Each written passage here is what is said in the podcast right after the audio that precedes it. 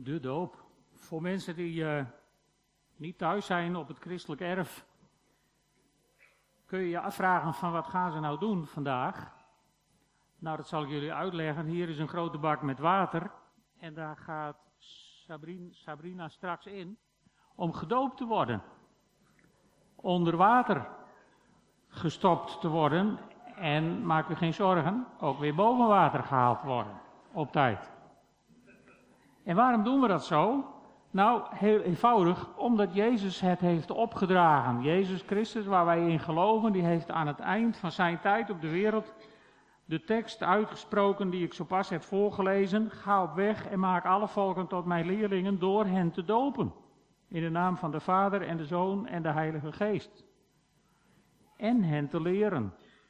We hebben dat in de kerk vaak wat omgedraaid en zijn we begonnen dat mensen eerst heel veel moeten leren en precies alles begrijpen. Maar volgens mij is dit de volgorde die Jezus aanreikte. Je wordt een leerling van Jezus door je te laten dopen. En daarna ga je leren. Je wordt ook pas leerling op school nadat je je hebt ingeschreven als leerling. En daarna begint het leerproces. Niet van tevoren. Je moet niet leren voordat je naar school gaat maar nadat je op school bent gekomen. En daar lijkt het op met dopen. En waarom doen wij dat dan zo? Want misschien heb je ook wel eens ergens anders in een kerk gezien waar baby's werden besprenkeld. Dat is ook een gewoonte. Maar wij menen met onze achtergrond dat het woord dopen, wat in de Bijbel gebruikt wordt, letterlijk onderdompelen betekent. En daarom doen we dat zo. En wij dopen mensen op grond van hun getuigenis. Dus, Sandrina zal straks ook uitleggen waarom ze gedoopt wil worden. Haar getuigenis. En op grond daarvan wordt ze gedoopt. En de apostel Paulus, die heeft daar heel mooi over geschreven in Romeinen 6. In Romeinen 6, daar zegt hij, wij zijn door de doop in zijn dood met hem begraven. Daarom ga je dus helemaal onder water, om zoals Christus door de macht van de Vader uit de dood is opgewekt, een nieuw leven te leiden. Was dat oude leven dan nou zo verschrikkelijk en zo slecht en zo crimineel of zo? Nee, dat hoeft niet altijd. Maar het oude leven was een leven zonder Jezus en het nieuwe leven is een leven met Jezus. En dat maakt een wereld van verschil voor degenen die dat beleefd hebben. En dat is wat we vandaag gaan vieren. En uh, het is heel fijn dat jullie daar allemaal getuigen van zijn. Dus het is helemaal niet zo ingewikkeld. Wat gaan we vandaag doen? Nou, Sandrina die heeft op de Alpha-cursus ontdekt wie Jezus Christus voor haar is. En ze heeft daar voor zichzelf de consequenties aan verbonden om een keuze te maken. Dat is het meest cruciale moment.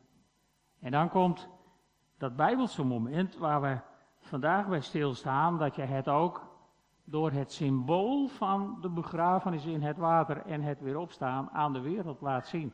Kijk, ik stop met mijn leven zonder Jezus en ik ben begonnen, een tijdje geleden al, aan een leven met Jezus. Dus dat willen we vandaag zichtbaar maken. En dat maken we zichtbaar in elke doopdienst en uh, mocht je hier zitten en denk je, ja, maar ik heb ook al lang gekozen voor Jezus. En je hebt dit nog nooit zichtbaar gemaakt.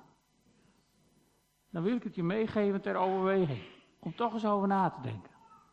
Want weet je, Jezus had in zijn tijd op deze wereld, had hij discipelen die van alles van hem wilden leren. En hij had ook een hele hoop volgelingen, mensen die achter hem aanliepen. En niet die consequentie eraan verbonden om ook discipel te worden. En ik denk dat hier de sleutel zit in dit vers, dat de leerlingen de opdracht krijgen om mensen tot leerlingen te maken door ze te dopen. Het begin van een geweldige, boeiende route met Jezus. Ik kan het je uit mijn eigen leven zeer aanbevelen.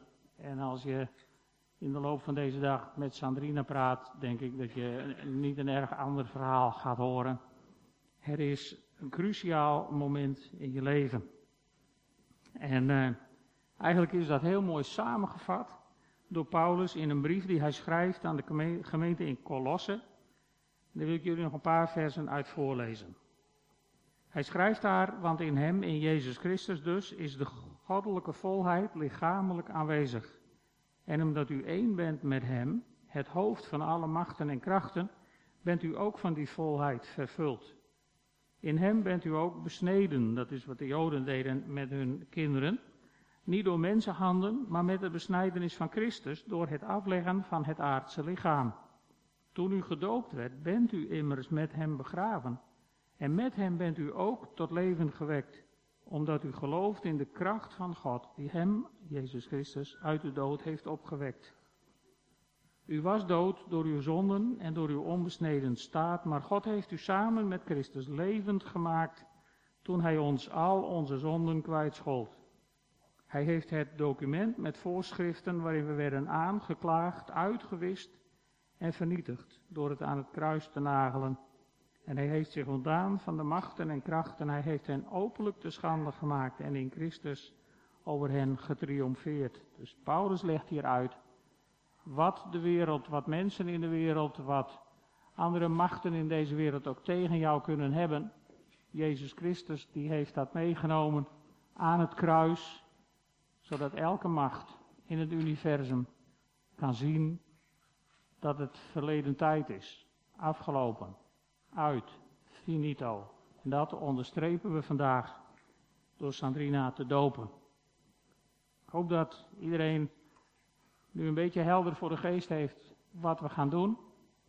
En anders dan uh, mag je na de tijd Sandrina wel om uh, uitleg vragen. Of mij. En ik hoop dat u ervan gaat genieten. Amen.